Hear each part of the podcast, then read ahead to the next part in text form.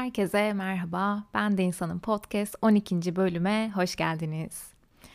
Ee, tabii ki yine bir önceki bölümde vaat ettiğim bir başlıkla burada değilim. Ee, bunu çok yapıyorum ama en azından terk edilme konusunda bir tutarlılık sağladım. Şimdi normalde kendimizi ne şekilde sabote ettiğimize ilişkin bir bölüm çekebilirim diye duyurmuştum bir önceki bölümde. Ee, az çok böyle buna değineceğim tabii ki. Konuştuğum başlıklar genelde zaten kendimizi ne şekilde sabote ettiğimizin de bir e, açıklaması gibi olacak. Böyle gerekçelerini belki konuşuyor olacağız. Belki farklı biçimlerde kendimizi sabote ediş biçimlerimize değiniyor olacağız ama tabii ki başlık kendimizi sabote etmek değil.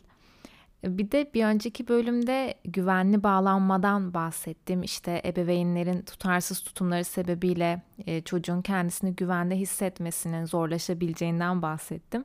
Ve burada da böyle vaat ettiğim başlıkları, anons ettiğim başlıkları hiçbir zaman e, gerçekleştirmeyerek acaba sizin güvenli bağlanmanızı engelliyor olabilir miyim diye de bir kuşku düşüyor içime. Umuyorum ki böyle olmuyordur. Geçenlerde Instagram'da da paylaştığım bir kitap vardı. Gecikmeye Övgü diye bir kitap. E, Zaman Nereye Gitti diye de bir alt başlığı var. Bu kitap beni çok düşündürdü.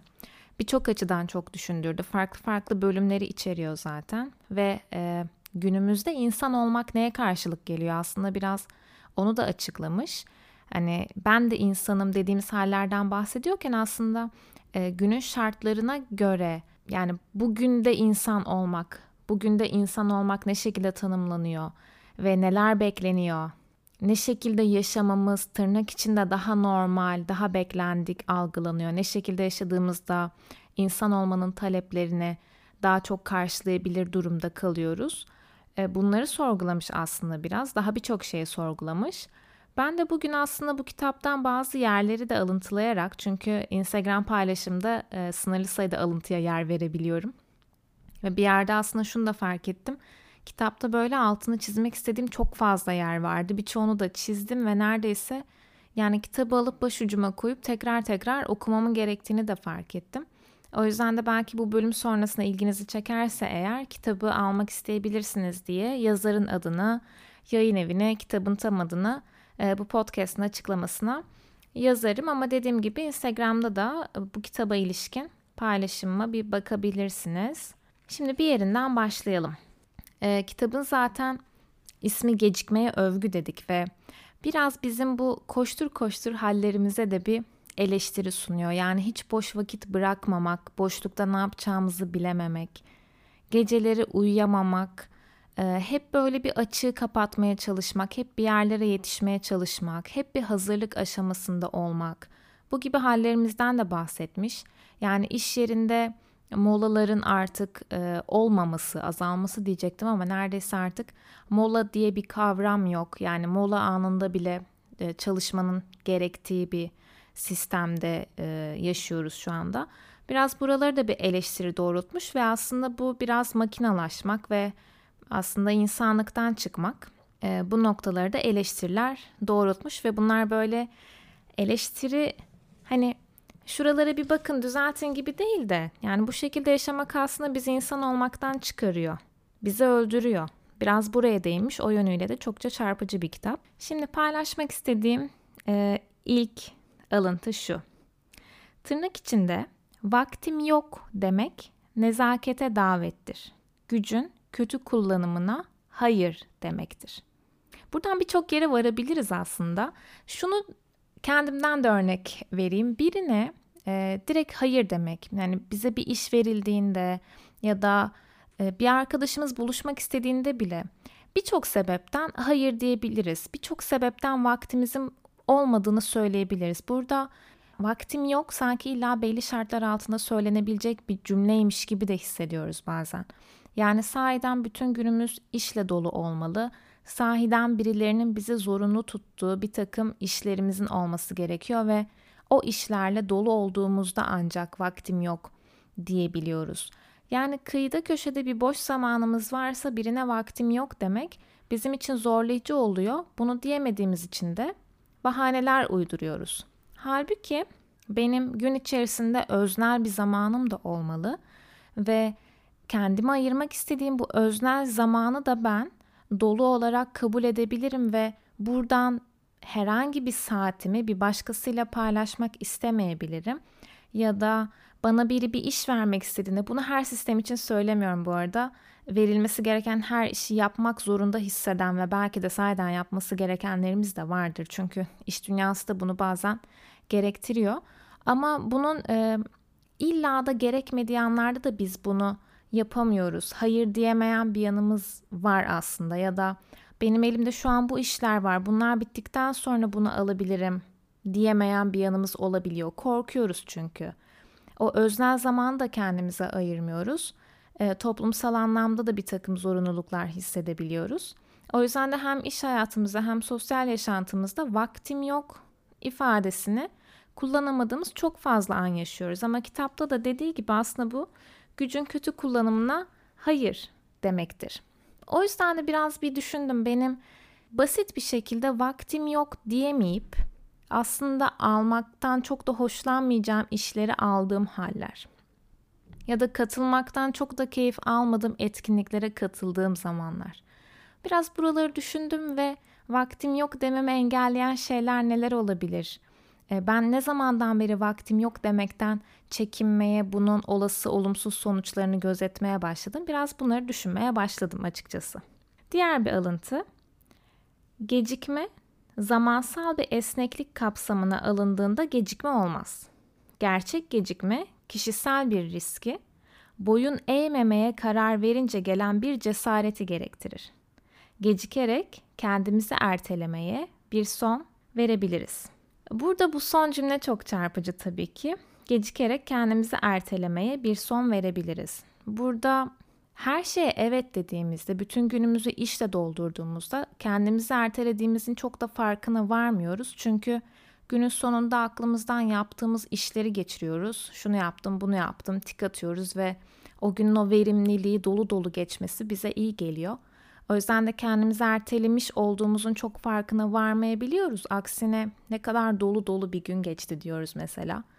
Geriye dönüp baktığımızda olduğumuz hallerden ziyade yaptığımız şeylerle dolu oluyor zaten zamanımız. Yaptıklarımızı sıralarken buluyoruz kendimizi.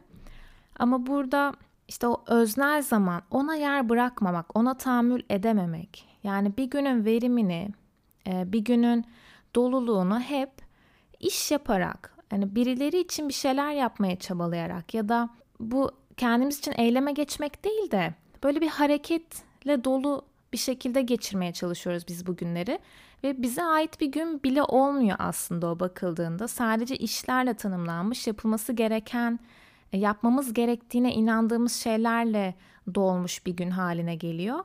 E, dolayısıyla da durup kendimizle ilgili düşünemediğimiz, e, o kendi düşünce akışımızda ne var ne yok bunu hiç zaten dinleyemediğimiz, bakamadığımız bir gün oluyor. E, bunun aslında neye yol açtığını birazdan da konuşacağız. Bu bizim geceleri uyumakta zorlanmamıza yol açıyor aslında. Çünkü zihnimizin o öznel zamana ihtiyacı var. Biz tabii bu öznel zamanı kullanmak yerine genelde ne yapıyoruz? Önden önden iş alarak yani bir şekilde e, yapılması gereken işleri hep önden önden bitirmeye çalışarak zaman kazanmaya çalışıyoruz.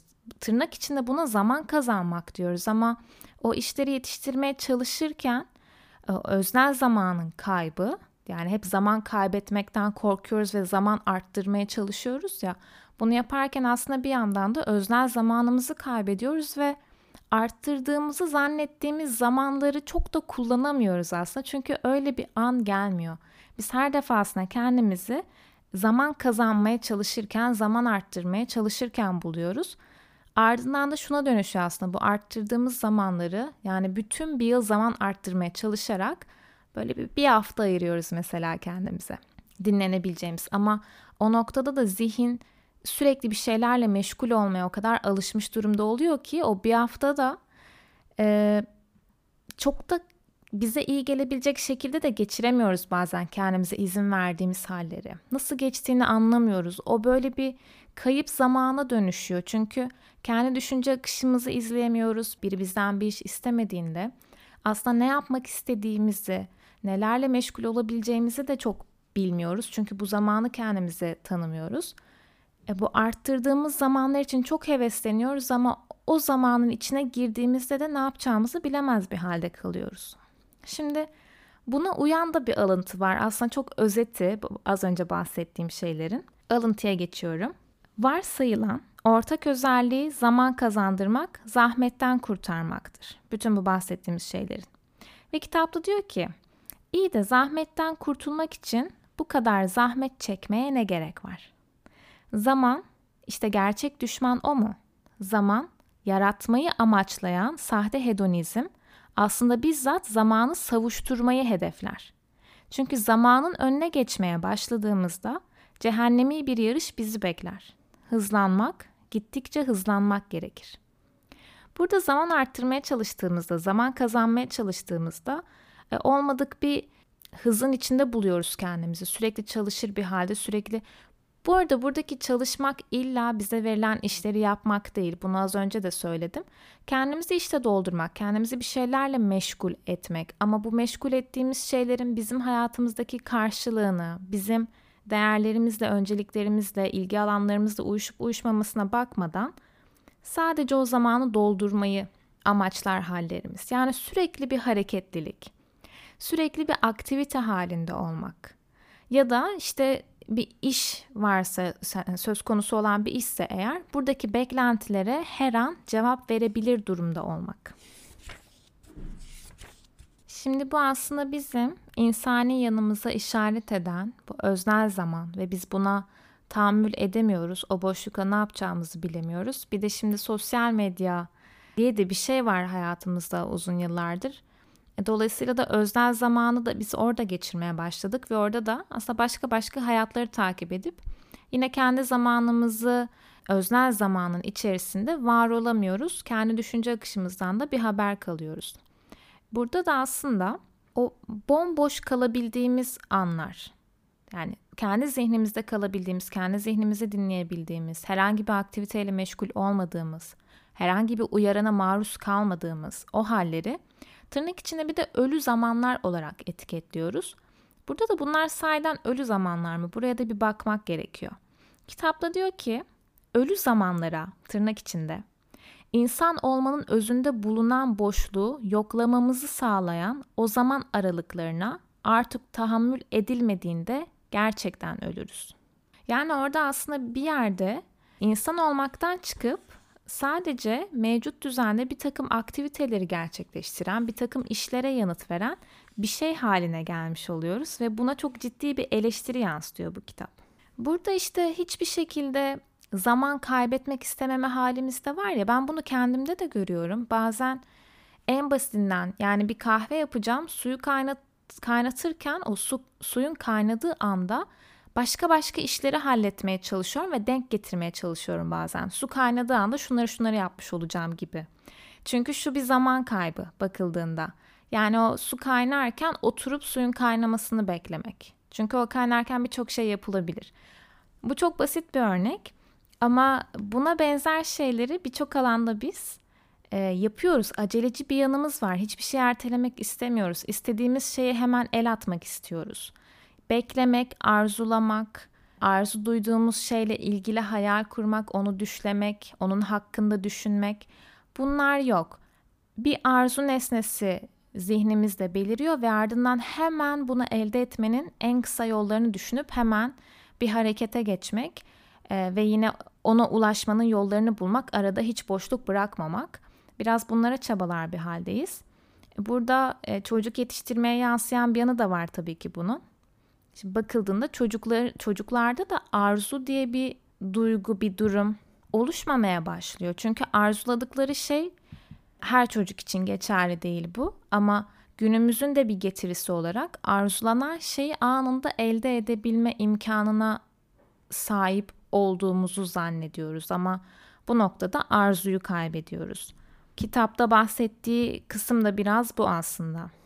Bugün bütün istekleri öncelenirken çocukların arzu duymalarını sağlamanın ne yararı var? Tıka basa doyurulmuş, kusturasıya, bıktırasıya tatmin edilmiş bir durumda, ruhu bedene kavuşturan gerçek arzuyu bilmeden ancak itkiden itkiye koşabiliyorlar. Yani anlık gelen bir isteğe anında cevap verme, daha dürtüsel hareket etme. Biraz buna da yönelmeye başladık. Yani o çalış çalış çalış, hiçbir şekilde bir zaman boşluğu yok, hiçbir şekilde bir öznel zaman yok. Ne istiyorum, ne ihtiyacım var soruları yok. Ve böyle bir ucundan kıyısından bir arzu hissettiğimiz anda da hemen onu karşılamak, dürtüsel davranmak. O hiçbir boşluk bırakmamak, bütün zamanı dolu dolu geçirmek. Halbuki buna ihtiyacımız var ki neyi arzuladığımızı bilebilelim ve hatta arzulayabilmenin yolu da aslında o öznel zamanın içerisinde de var olabilmek. Şimdi bu zaman kaybetmeyi istememe hali şu şekilde de yansıyor. En doğru kararı vereyim, zaman kaybetmeden yapabileceklerimi öngöreyim, e, ona uygun bir plan gerçekleştireyim ve hemen harekete geçeyim. Biz zaten bunu düşünür bir haldeyiz ama bir yandan yetiştiriliş biçimimizde de biraz bu oluşmaya başladı ve vardı da zaten. Bizim adımıza düşünme e, ve sanki önceden olmayacağı belli olan şeylerin önünü kesme ve bunu hayal kırıklığından koruma adı altında yapma ve aslında deneyerek öğrenmenin önünü kapatma bir yandan ve bunların hepsi hangi çatı altında toplanıyor? Zaman kaybetmemek. Yani en doğru şeyi arıyoruz. Atabileceğimiz en doğru adım hangisi ise bunu önceden anlamanın derdine çok fazla düşüyoruz ki yanlış bir adım atıp e, tekrar hani geriye dönme ihtiyacı hissetmeyelim ki zaman kaybetmeyelim. Hayatı biraz böyle yaşar bir hale geldik. Yani hep doğru adımlarla, hep zamanımızı bizi bir, adım daha ileriye götürebilecek şeye hizmet edecek biçimde kullanmak ve bunun için kullanmadığımız bir zamanda direkt ölü bir zaman haline geliyor bizim için. Şimdi burada kitapta da yine beni çok etkileyen bir alıntı. Hayal kırıklıklarından, hatalardan bir şeyler öğrenmek artık mümkün değil. Kişi tanındığı öne sürülerek ondan saptırıldığı için arzu bile yön belirleyici değil artık. Hayat, insanın deneyiminin öncelenmesiyle bir anlamda otomatik olarak mekanikleşiyor.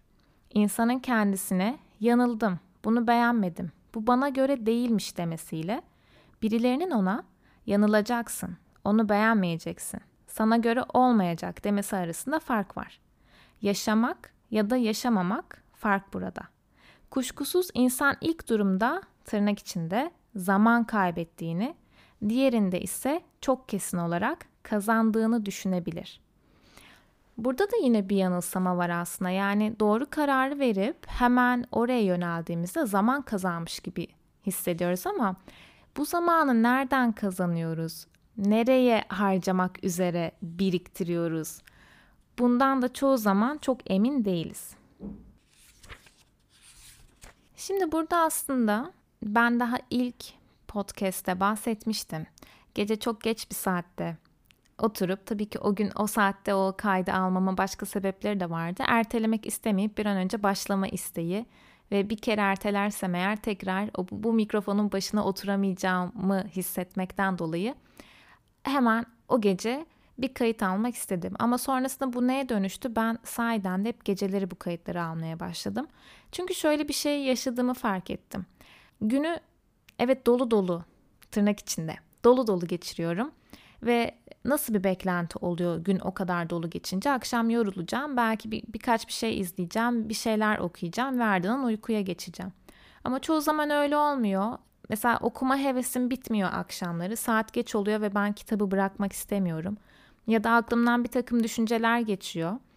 Ve böyle bunları yazmak istiyorum. Unutmak istemiyorum ve bir yandan da şey de söylüyorum. Hani yazmadığım takdirde unutmayacakmışım gibi de geliyor. Sanki ertesi sabah da bunu yine hatırlayacakmışım gibi geliyor ama öyle olmuyor. Çünkü ilk defa gece gün içerisinde belki de ilk defa geceleri biz bunu yaşıyoruz. Yani zihnimiz sahiden kendi halinde yapılacaklar listesi yok. O anda yapabileceği, gerçekleştirebileceği bir görev yok gece uykuya dalmadan önce artık uyuyabilirsin mesajını, artık bugün yapman gereken bir şey yok mesajını kendimize verdikten sonra aslında öznel zamanın içine girebiliyoruz. Ve aslında yaratıcılığımızın ortaya çıkabileceği anda biraz bütün bu yapılacaklar listesinden muaf kalmış o zihinsel, o özgür alanda bu yaratıcılığımız ortaya çıkıyor. Ona gün içinde müsaade etmediğimizde gece bunun acısı çıkıyor aslında. Çünkü zihin bir şekilde kendinde biriktirdiklerini dışarıya çıkarmak istiyor. Burada da uyumayı düşlemek başlığı altında ele almış bu meseleyi kitapta. Diyor ki kayıp zaman çılgınlığı bir arazla kendini belli eder. Uykusuzluk. Kayıp zaman toplumu bir uykusuzlar toplumudur. Artık uyku nedir bilmiyoruz, artık uyuyamıyoruz. O kadar eziyet yetmezmiş gibi bize sürekli uykunun nimetleri belletiliyor. Sürekli olarak uykusuzluğumuzdan sorumlu tutuluyoruz. Bu da bir çelişki. Uyumamıza engel olan birçok şey var. Yani bazen o yapılacaklar listesi bitmiyor çünkü bitmeyen bir listeyle yaşıyoruz. Bütün haftamız bu listeyle geçiyor. Uyuyamıyoruz, uykularımız kaçıyor. Kendi zihnimizi özgür bıraktığımızda da bu sefer işte o öznel zamanı değerlendirmek için hevesle çıkan düşüncelerimiz bizi uyutmuyor. Dahası bir de evet yani uykunun nimetlerinden de çokça bahsediliyor. Sürekli yeteri kadar e, uyuyamazsak, uykumuzu alamazsak başımıza nelerin geleceği bize bildiriliyor ve bu bize daha yoğun bir stres yaratmaya başlıyor. Halbuki kitapta da söylediği gibi kimse yokluğunu duyduğu şeyin yararlarını ağır biçimde yoksunluk çekenden daha iyi bilemez. Yani biliyoruz uykusuzluğun aslında nasıl bir yoksunluk olduğunu çünkü bunu çekiyoruz ama uyumadığımızda nelerin olacağına dair de çok fazla e, bilgiye de maruz kalıyoruz şu anda ve bu da bizi rahatsız ediyor. Ama neden uyuyamıyoruz? Yani e, uyumak da artık bir zaman kaybı gibi gelmeye başladı bize. Uykusuz kalıp kalıp e, güç toplamak adına yani tekrar uykusuz kalacağımız günlerin öncesinde bir hazırlık gibi uykuya dalıyoruz kimi zaman. Burada mesela kitapta şeyden bahsetmiş. Doyasıya uyuma riski. Bu neredeyse bir riske dönüşmüş durumda. Çünkü bu doymamız gereken bir şey değil artık, idare etmemiz gereken bir şeye de dönüştü. Diyor ki zamanın neredeyse yitip gitmiş olması gerçekten de doyasıya uyuma riskine girmenin mantıken imkansız olduğunu düşündürür. Çünkü zaman yok. Yapmamız gereken çok fazla şey var ve akşamları da biz geceleri bir sonraki güne hazırlıkla geçirmeye başladık. Yetişmemiz, hazırlanmamız gereken o kadar çok şey var ki uykuya zaman yok. Şimdi bu kitapta bahsetmek istediğim o kadar çok yer var ki okumak istediğim. Böyle zor tutuyorum kendimi. Bir son alıntıyla noktalayıp yine vaatlerde bulunacağım galiba. Bir sonraki bölümde yine bu kitaptan devam edebilirim. Ama şöyle bir şey yapabiliriz. Kayıp konusuna da girmek istiyorum ve bu kitapta aslında kayıp konusu da çok fazla işlenmiş. Buradaki kayıptan kastım sadece bir insanı kaybetmek değil. Yani ölümün beraberinde bir insanı kaybetmek değil. Şu dönemde çok fazla şey kaybettiğimizi düşünüyorum ben. Ee, yaşama biçimimiz, insanlar, değerlerimiz, aktivitelerimiz, katıldığımız aktiviteler. Hatta bir zamanlar bizim için geçerli olan bir söz, hayatımızdaki bir sözün geçerliliğini de kaybediyoruz. Yani o döneme uyup bugüne uymayan cümlelerimiz, laflarımız. O kadar çok şey kaybetmeye başladık ki ve bu aslında bu zaman konusu da buna giriyor. Zamanı da kaybediyoruz. Yani hep bir kayıp zaman, hep bir zaman arttırma telaşı. Hani zaman hangi ara bu kadar daraldı? Hangi ara biz bu kadar sığamamaya başladık bir günün içine ve o öznel zamanı bulamayıp hangi ara bu kadar uykusuz kalmaya başladık? Uyku bir zaman kaybı olarak, bir ölü zaman olarak görülmeye başlandı. E biraz buralara bakmak gerekiyor. Ben çok düşünüyorum. Burada birlikte düşünelim. Şimdi son bir alıntı yapıp bu bölümü o şekilde kapatmak istiyorum. Görev tamamlanıp iş günü iyi bir uyum içerisine geçtiğinde iç denetim merciğimiz olan üst benlik genellikle komut vermeyi bırakıp uykuya izin verebilir. Ama herkesin her zaman daha fazla iş yapabilmek zorunda olduğu bir çalışma düzeninde üst benlik pusulasını şaşırır. İtki biyolojik olmadığı için bizleri pusulamızı şaşırtan her şeyin hizmetine sokmaya meyillidir. İtki sarsar. İnsanın kendisini unutmasına yol açar. Böylelikle gün içinde kendimize zaman ayıramayınca zamanı gece vakti kullanırız, uyumayarak. Uykusuz insanların çoğu varoluşlarının kayıp zamanının peşine düşmüş kimselerdir. Kendimizi hayat için gerekli olan o alıştırmanın akışına gece vakti uyumayarak bırakabiliriz. O alıştırma fikirlerin boşluğa düşmesidir. Aklıma bir fikir geldi dediğimizde onun düştüğü izlenimini ifade ederiz. Çünkü bu durumda fikir bir tür iç çekim yasasına tabiymiş gibi gelir bize. Fikirler yalnızca boşlukta belir verir. Hangimiz akşam sinemada film izlerken bir dalgınlık haline düştüğünü fark etmemiştir ki? Düşünce olan akışına o sırada gösterimin gerektirdiği serbestlikle oluşan o boşlukta kavuşur. Sinemaya gidecek zaman kalmadığında geriye bir tek kendini uykusuzluğun karanlık zevklerine bırakmak kalır. Gecikme öznel bir zorunluluktur. Bu zorunluluğu kabul etmediğimizde de geç kalırız yine. Ama bu sefer başka biçimde, uykuyu geciktirerek. Bu bölümlükte bu kadar olsun. Belki öznel zamanımızın peşine biraz daha fazla düşeriz.